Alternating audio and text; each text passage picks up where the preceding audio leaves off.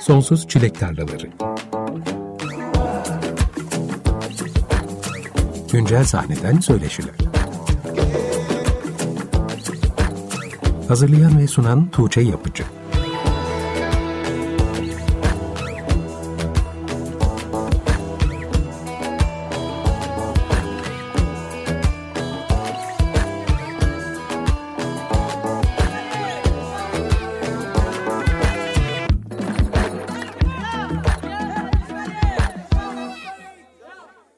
95.0 Açık Radyo'da Sonsuz Çilek Tarlaları programından herkese merhaba. Ben Tuğçe Yapıcı. Programa Duct Tape'in Sevmiyor adlı parçasıyla açılış yaptık. Postpunk Dark Wave projesi Duct Tape'in 14 Ocak'ta yayınlanan Ruh adlı ikinci albümünde yer alıyor bu parça.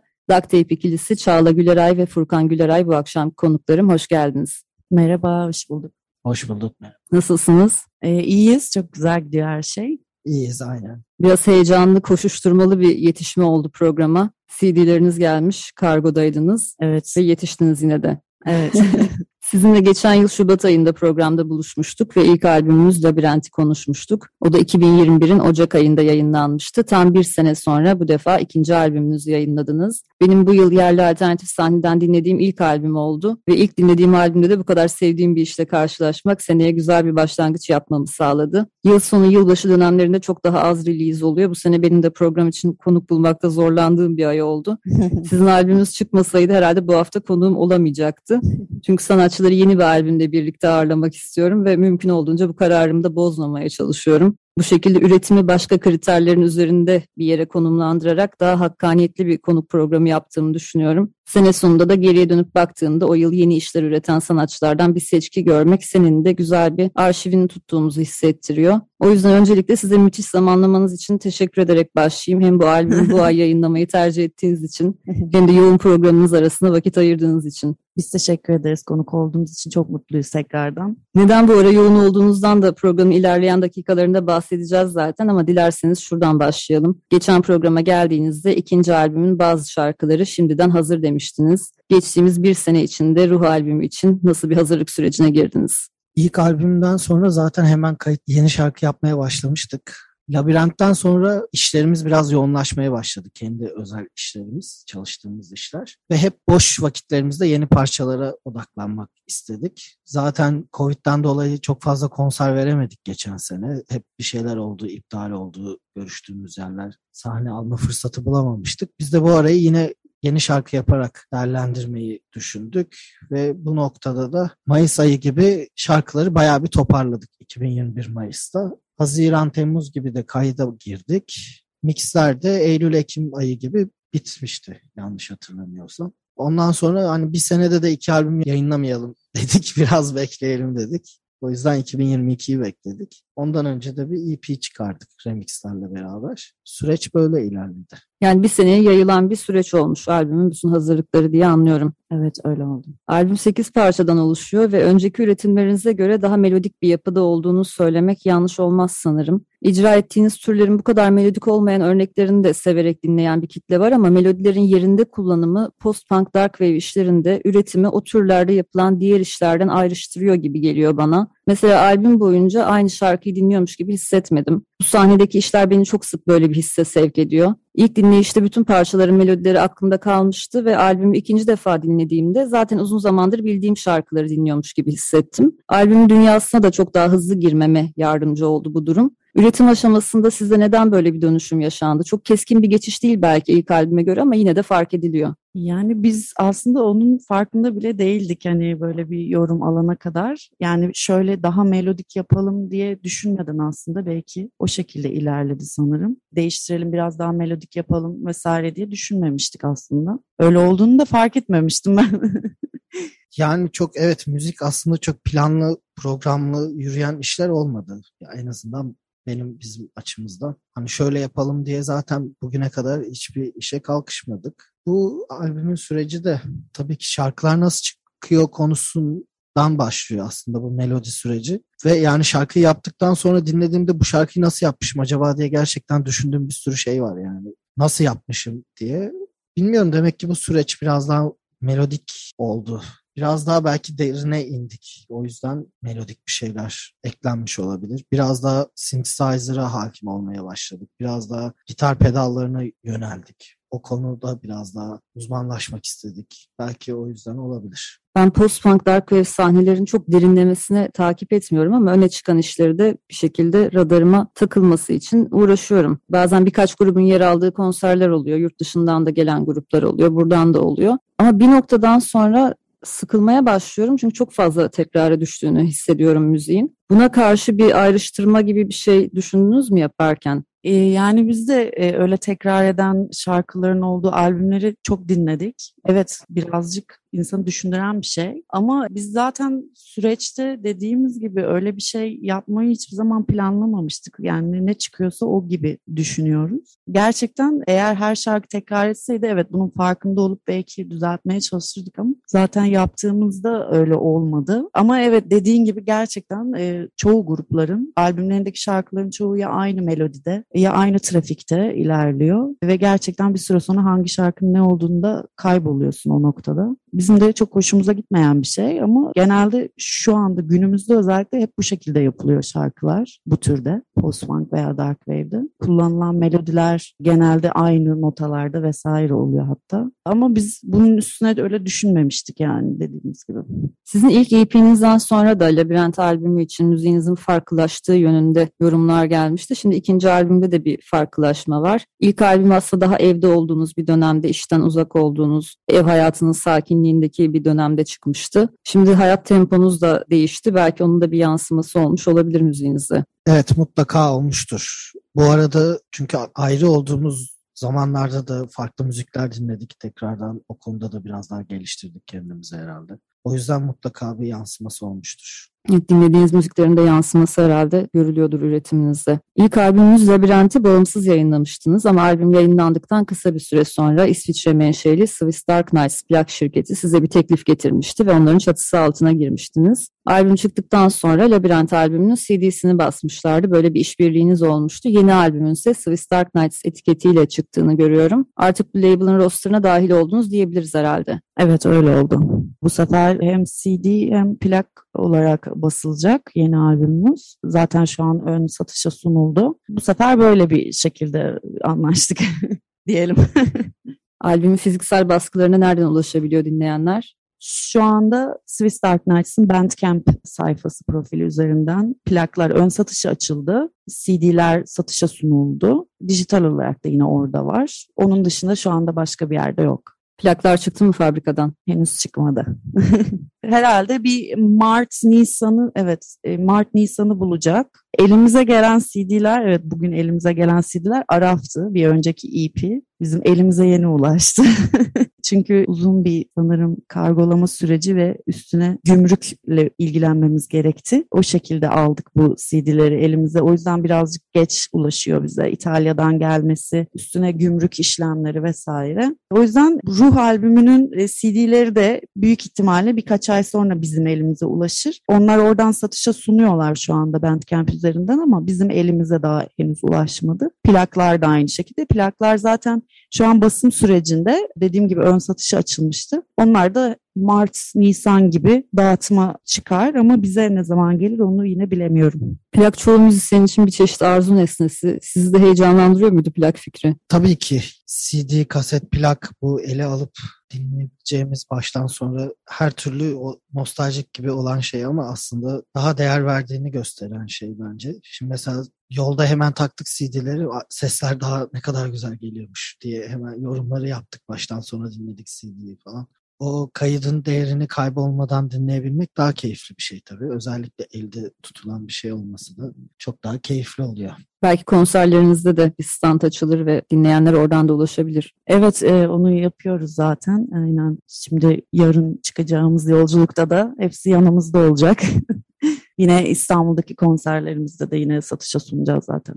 Şimdi birazdan bir parça dinleyeceğiz. Hemen ardından konserlerden de bahsedeceğiz. Önümüzde bir takım konserler var çünkü. İsterseniz şimdi albümden Never parçasını dinleyelim. Albümün de çıkış parçası oldu bu parça. Bir kliple birlikte yayınlandı. Duct Tape'den Never dinleyelim. Hemen ardından Çağla ve Furkan'la sohbetimize kaldığımız yerden devam edelim. Açık Radyo'da Sonsuz Çilek Tarlaları programı devam ediyor. Bu akşam konuklarım Duct Tape'ten Never adlı parçayı dinledik. İkinci albümde Ruh'ta yer alıyordu bu parça. Geçen ay Açık Radyo'nun internet sitesi için 2021'de yerli sahnede yayınlanan albümlerden 25 albümlük bir seçki hazırlamıştım. Sizin albümünüzden bahsederken aslında sizin pandemi döneminde ilk kayıtlarını yayınlayan bir proje olarak dezavantajlı bir başlangıç yaptığınızı ama bu durumu çok iyi yönettiğinizi yazmıştım. Bence duct tape'e dair göze çarpan önemli bir başarı bu. Belki bu pop bir iş olsaydı ya da cover videoları çekiyor olsaydınız dijital dünyayla sınırlı kalmak o kadar da büyük bir dezavantaj olmayabilirdi ama sizin gibi sahneden ve sokaktan beslenen türlerde müzik icra eden bir proje proje için konser vermeden ve dijital dünya dışında hiçbir yerde insanların karşısına çıkamadan tanınırlık sağlamak hiç de kolay bir iş değil diye düşünüyorum. Yerli sahnede sizin gibi pandemide başlayan çoğu proje sesini duyurmakta epey zorlandı ve istediği ilgiyi elde edemedi. Siz bu durum nasıl yönettiniz de kayıtlarınızla ulaşmak istediğiniz dinleyiciye belli oranda da olsa ulaştınız, sahneler açılır açılmaz konser verebilmeye başladınız?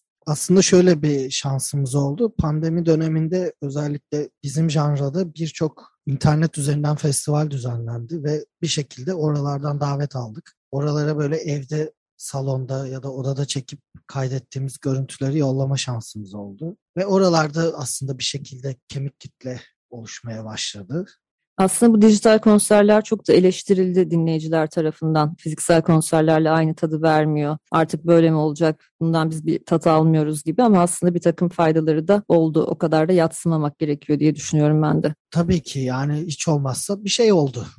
Hiçbir şey olmamasıysa diğer seçenek. Hiçbir şey olmamasından evet. iyi oldu. Biz de orada bir sürü grupla tanıştık. Sohbetimiz oldu. Bir şekilde görünürlüğümüz arttı. Yani bize de uğraş oldu evde otururken müzik yap yapmamız için ekstra bir neden oldu yani ve çok da güzel geri dönüşümler oldu. Bu tarz online festivallerle ya da işte ne bileyim klip çektik onları paylaşıp bir şekilde ulaştık yine. Tabii ki sahne gibi sahneyle karşılaştırılamaz yani o sahnedeki duygu alışverişi gibi olamaz yani ama gene en azından elim elimizden geleni bir şekilde yaptık diye düşünüyorum bu arada. Yani online festivaller evet tabii ki de canlı gibi olmaz ama o süreçte bence dinleyiciler için de ayrıca sanatçılar için de çok güzel bir ortam hazırladı.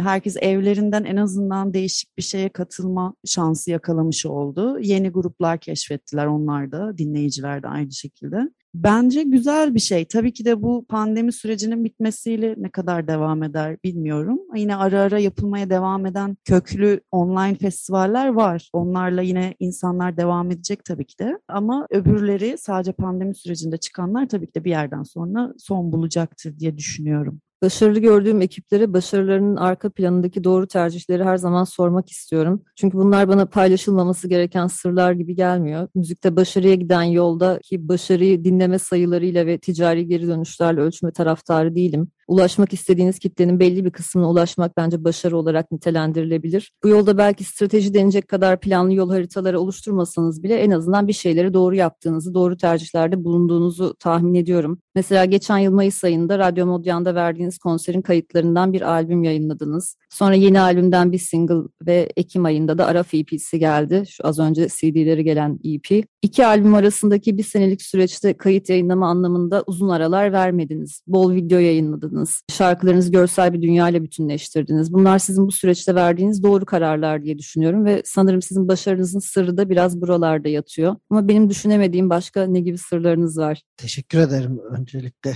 bu başarılı sınıfına bizi dahil ettiğin için.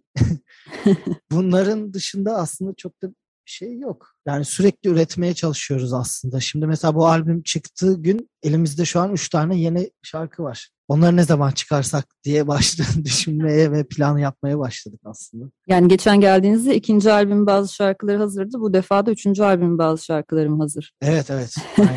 bu sefer çok acele etmeyeceğiz ama herhalde. Gerçi ama dayanamıyor insan. Bir şey üretince paylaşmak istiyor ya da onu bitirmek istiyor şarkıları. Peki mesela Avrupa'dan bir plak şirketiyle çalışmak size bazı kapıları açtı mı? Kesinlikle bence şu açıdan güzellik oldu. Yani dediğimiz gibi live albüm istediler. Yani mesela herkes bunu desteklemeyebilirdi bilmiyorum ama bizim çok üretken olduğumuzun da farkında oldukları için bir live albüm çıkaralım. Evet bir EP de olur tabii ki de falan. Biz de zaten beraber yaşayıp beraber vakitimizi geçirdiğimiz için çok fazla üretmeye şansımız oluyor. O açıdan da biraz şanslıyız aslında. Sürekli üretip bir şeyler yayınlayabiliyoruz. Klip çekimleri, video çekimleri olsun. O yüzden onların da yani Swiss Dark Knights'ın da bizi desteklemesiyle beraber bu konuda biz böyle bir sürü bir şey yayınlayabilir olduk aslında. O açıdan avantajlı olduğumuzu düşünüyorum. Gerçekten birbirimizi iyi anlayabiliyoruz label'la. Bir plak şirketinin çatısı altına girmek aslında çok büyük bir karar. Çünkü bazı plak şirketleri güncel dünyaya kendilerini uyumlayamıyorlar. Tüm gelişmelere hemen uyumlanamadıkları için de yavaş kalabiliyorlar. Mesela diyorlar ki işte siz albüm yayınlamak istiyorsunuz. Seneye yayınlayamayız. Seneye programımız dolu. Bir sonraki sene yayınlayabiliriz. Ama burada onların da hızlı davranması o dijital dünyadaki hıza uyum sağlamaları herhalde sizin için avantajlı bir şey olmuş. Yani sizin üretkenliğinizi ketlememeleri aslında Çağla'nın söylediği şey çok doğru orada. E, tam tersi yani kendileri sürekli zaten bize şey hadi bir şeyler yapalım şeklinde bizi destekledikleri için evet biz o açıdan şanslıyız yani pozitif yönde bizi etkilediler. O güzel oldu o yüzden. Ben bu dönemde bir sanatçı olsaydım ve bir plak şirketiyle çalışma kararı verecek olsaydım, üretimi teşvik eden bir plak şirketini tercih ederdim mutlaka. Yavaşlatan, ketleyen bir şirket yerine. Bence önemli bir karar o. Şimdi konserlere biraz gelelim. Sizin yurt dışı konserlerinizi uzaktan takip ediyorum ve oralarda neler yaşandığını çok merak ediyorum. Geçtiğimiz aylarda Meksiko'da farklı mekanlarda 3 konserde çaldınız sanırım. Aralık ayında Saraybosna'da çaldınız. Biraz bahsetsenize bu konserlerden. E, Meksika'da evet 3 konser olarak gittik dörtle döndük. E, aslında daha da çok olacaktı gibi bir durum oldu ama vaktimiz yetmedi maalesef. Bir tanesi gizli parti kıvamında bir şey oldu. Kesinlikle çok güzel bir deneyimdi. Biz yine kendi label'ımızın bünyesindeki Schrödinger isimli Meksikalı grupla beraber orada sahne aldık. Meksika öncelikle çok güzel bir deneyimdi. Çok enteresan bir kitleyle karşılaştık. Değişik sahneler, değişik gruplar görme fırsatı oldu. Yani ya müzisyenin kesinlikle orada bunu deneyimlemesi lazım bence. Umarız Kasım Aralık gibi bir daha bir şeyler düşünüyoruz bakalım görüşüyoruz. Saraybosna'da güzeldi. Şöyle güzeldi. Tabii ki Meksika gibi değildi. Orada daha değişik bir kitle bekliyorduk. Çünkü zaten hani göreceli olarak daha küçük bir ülke ama çok sıcak karşılandık orada. Sahne gayet keyifliydi. İnsanlar çok sıcaktı. Saraybosna'da oldukça keyifli geçti. Peki konsere gittiğiniz yerlerde başka sanatçılarla yeni tanışıklıklar ve işbirlikleri de doğuyor mu? Özellikle Meksika'da oldu. Yani çok güzel, çok değerli gruplarla tanıştık. Hatta bir iki tanesi özel böyle CD box'lar hazırladı bize. yollamışlar. Onlar da gelir yakında herhalde. Zaten çoğuyla hala internet üzerinden görüşüyoruz, yazışıyoruz bir şekilde. Herhalde yakında da bir ortak bir çalışmalar yapılır bir şeyler olur herhalde. Aslında biz bu programın kaydını yaptıktan sonra Duct Tape iki yurt dışı konserinde daha çalacak ve siz bu programı dinlerken ülkeye yeni geri dönmüş olacaklar. Nerelerde bu önümüzdeki konserler, bu hafta çıkacağınız sahneler? İlk olarak Budapeşte de sahne alacağız. Oradan bir iki gün sonra da Belçika Liège'de Dark Winter Fest'te çalacağız. Dan Come Silence'la beraber. Şimdilik bu ikisi olacak. Bu festivalde başka tanıdığımız ekipler de var mı? Dark Winter Festival'de e, Denkam Silence ve Wisborg olacak. Bir de Joy Disaster diye bir grup olacak. Budapest'te Denver diye bir grupla beraber çalacağız. Oranın lokal gruplarından, post-punk gruplarından. Güzel olacağını düşünüyorum. Heyecanlıyız bu konuda. Evet dediğin gibi kayıt yapılırken biz yarın yola çıkıyoruz aslında. Bakalım nelerle karşılaşacağız bilmiyorum. Güzel geçeceğini düşünüyorum ama. Aslında şeyden dolayı çok sevinçliyiz. Biz uzun zamandır bekliyorduk iptal olabilir diye. Çünkü Avrupa'nın çoğu ülkesinde iptal ettiler. Bizimkiler mutluyuz ki kaldı. iptal olmadı. Pandemi koşulları zorluyor mu bu durumları?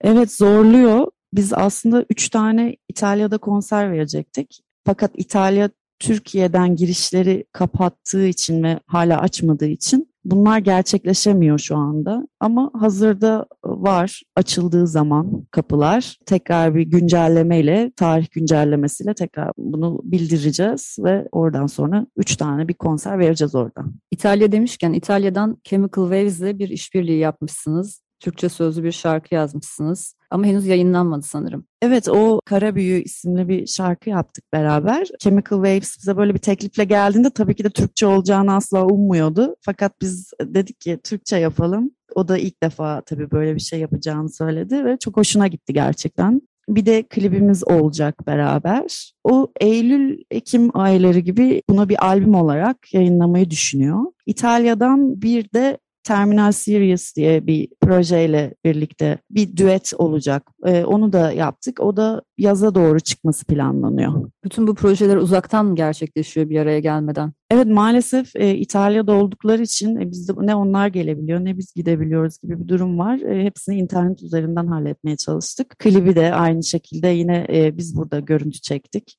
O orada görüntü çekti. Bunlar birleştirilip o şekilde yapılacak. Neyse ki böyle imkanlarımız var bu dönemde. Evet en azından. Hep şunu düşünüyorum aslında pandemi 90'larda ya da işte belki 2000'lerin başında internet bağlantılarımız henüz bu kadar hızlı değilken gerçekleşmiş olsaydı herhalde müzikte kayıtlı üretim duracaktı. Kesinlikle öyle olurdu ve gerçekten çok verimsiz bir dönem olurdu ve bu birkaç sene sürdüğünü düşünürsek müzisyenlerin müzik hayatının bitmesiyle e, hepsini bir depresyona sürüklerdi diye düşünüyorum yani gerçekten. Evet kesinlikle herkes başka sektörlere yönelir herhalde hayatını idame ettirmek için ya da üretme isteğini kaybeder, yaptığı işi anlamsız bulmaya başlayabilir. Çok çeşitli psikolojik ve maddi etkiler herhalde durdurabilir dediğin gibi. Kesinlikle böyle olmasına rağmen ne kadar büyük etkileri oldu. Hele öyle bir dönemde olsaydı gerçekten yıkıcı olurdu diye düşünüyorum ben. Şimdi iki tane parça birbiri ardına dinleyeceğiz. İlk önce The Dirty Duo'dan Blindfold adlı parça gelecek. Geçen cuma yani 3 gün önce yayınlanan bir kayıt. Onlar da Duct Tape gibi ikili bir proje.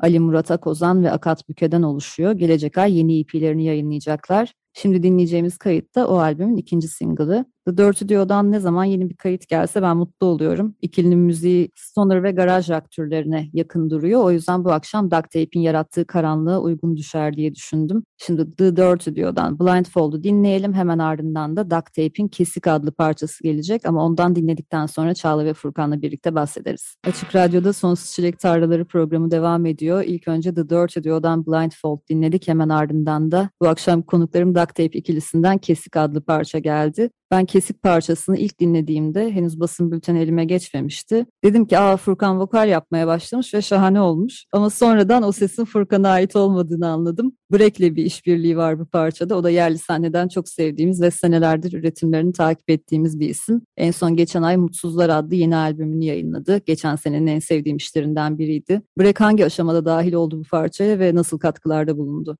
Ee, biz aslında Kesi'ye ilk başladığımızda bir intro şarkısı olarak onu tasarlamıştık. Fakat daha sonra çok beğendiğimiz için bunun bir parça olması gerektiğine karar verdik. O sıralarda da sevgili Brek zaten bizim çok iyi arkadaşımız, yakın arkadaşımız. Onunla da beraber bir şey yapmak, bir düet yapmak istiyorduk. Bu noktada da kesikle çok iyi olacağını düşündük ve ona sunduk bunu. O da sağ olsun e, şarkıyı da çok beğendi ve kabul etti. Kesiye hepimiz kendi bölümlerimizin sözlerini yazarak ortada bir buluştuk. E, evet bu herkes Furkan'ın söylediğini düşünüyor. E, biz böyle çok yorum aldık. Furkan'ın sesi ne kadar güzel şeklinde. ben de öyle düşündüm. e, çünkü orada bir yanlışlık oldu. Dijital platformlara verirken label tarafından o break kısmı maalesef bir atlanmış aynen. E, konuşmuştuk aslında. Plak basımında vesaire yazıyor üzerinde. Fakat e, dijital mecralarda maalesef break olarak gözükmediği için herkes Furkan sanıyor. Ama çok güzel bir çalışma olmuş. Ben çok beğendim bu işbirliğini. Belki devamı da gelir. Birlikte yapacağınız şeylerin ileride. Teşekkür ederiz. Bakalım belki. Şimdi sizin kliplerinizden de bahsetmeden olmaz. İlk albümde çoğunlukla siz kendiniz çekmiştiniz. Geçen programda konuşmuştuk. Bu sefer albümün ilk yayınlanan klibinde Never'da yine sizin parmağınız var ama künyede başka isimler de görüyoruz. Biraz bahseder misiniz bu klibin hazırlık sürecinden? Klibi evet biz genellikle kendimiz çekmeyi tercih ediyoruz. Seviyoruz da uğraşmayı böyle şeylerle herhalde. Bir de kendimiz çekip kendimiz editleyip kendimiz yayınlarken o tabii hep biz biz kendimizin hissiyatımız iyice giriyor işin içine gibi geliyor. Bu klibi yaparken tabii ki de bir üçüncü, dördüncü kişilere de ihtiyacımız olmuştu çekerken. O yüzden çok yakın arkadaşımız Baran Tonyalı çekimlere asistlik yaptı. Ayrıca Furkan'ın yeğeni Ankara'dan o sırada yanımıza gelmişti Orbay. O da tabii ki de bize yardımcı oldu o gün çekimlerde. O yüzden onların isimlerini de oraya bahsetmek istedik. Çekimleri kar yağmıştı. Tam o sırada yaptık. Güzel bir ekip oluşturduğumuzu düşünüyorum Baran ve Orba'yla. Kahvelerimiz vardı sıcak. Çünkü karda çekmek gerçekten çok zordu. Bayağı üşüdük yani.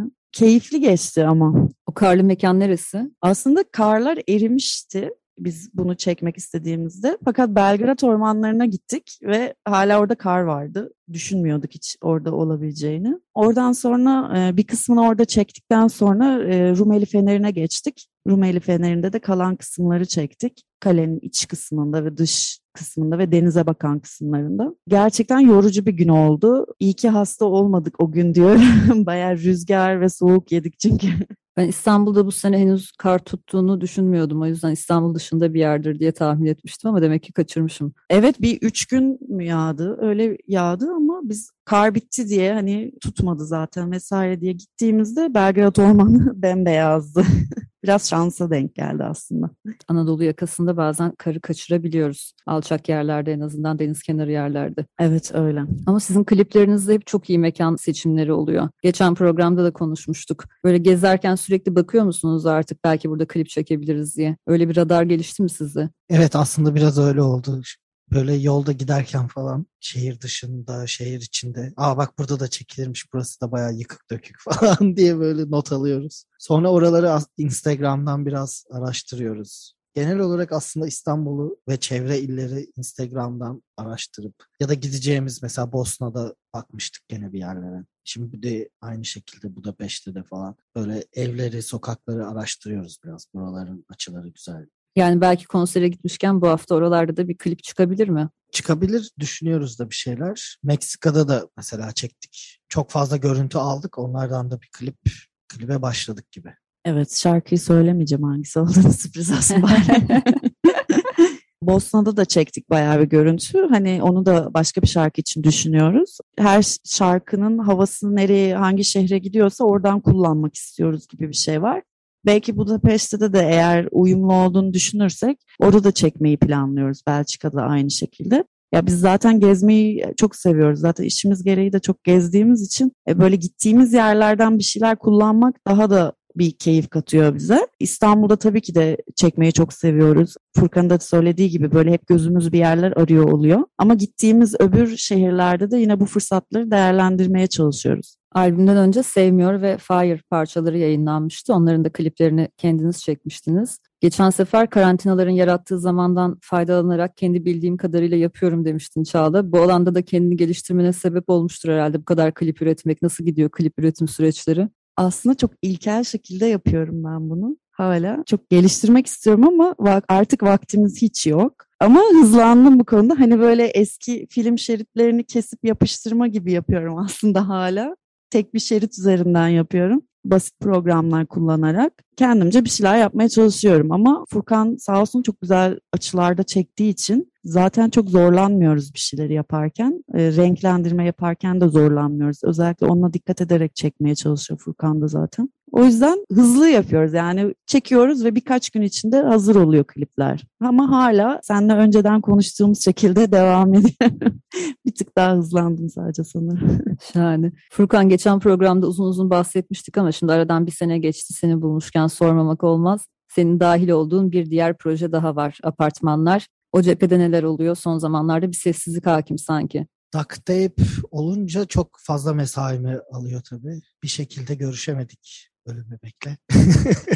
Aslında o ekibin hepsi de çok aktif insanlar olduğu için evet. herkes yerli sahnede çok aktif müzisyenler ve herkesin birkaç projesi var. O yüzden bir araya gelmeniz aslında herkes açısından zor oluyordur herhalde. Aynen öyle. Çünkü onların da konserleri de başladı. Daha prova bile yapamadık yani yeni üretim aşamasını geçtim. Prova bile yapamadık. Ama bir iki üç şarkı cebimizde var gibi. Şu konserlerin bitsin tape'le ondan sonra bir oturup onlara biraz ağırlık vereceğiz herhalde. Yani sanırım bir iki, iki üç ay sonra maksimum bir iki şarkı yayınlarız herhalde apartmanlarda.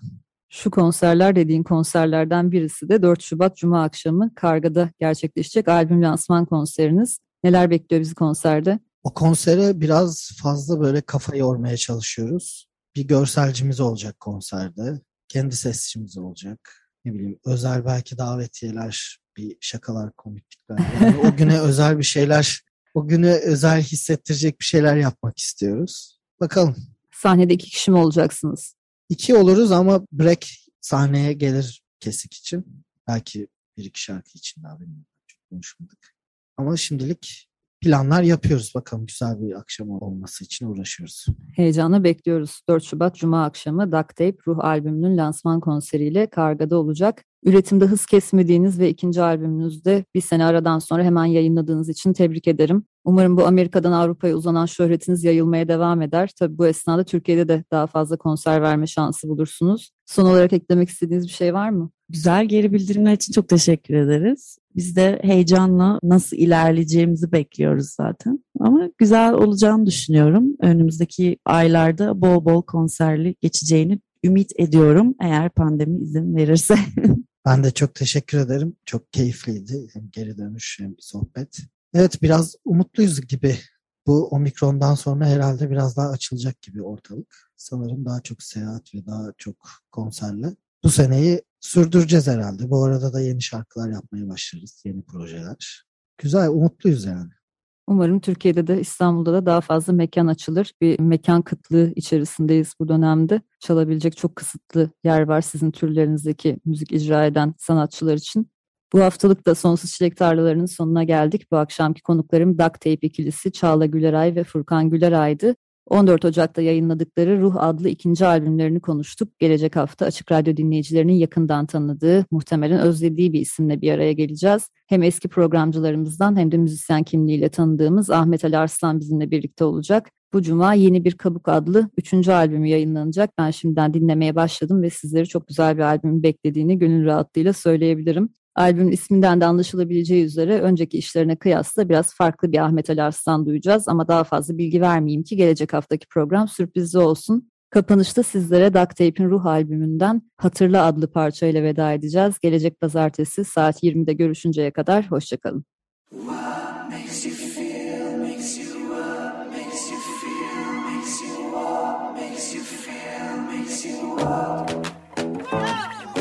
Sonsuz Çilek Tarlaları Güncel sahneden söyleşiler. Hazırlayan ve sunan Tuğçe Yapıcı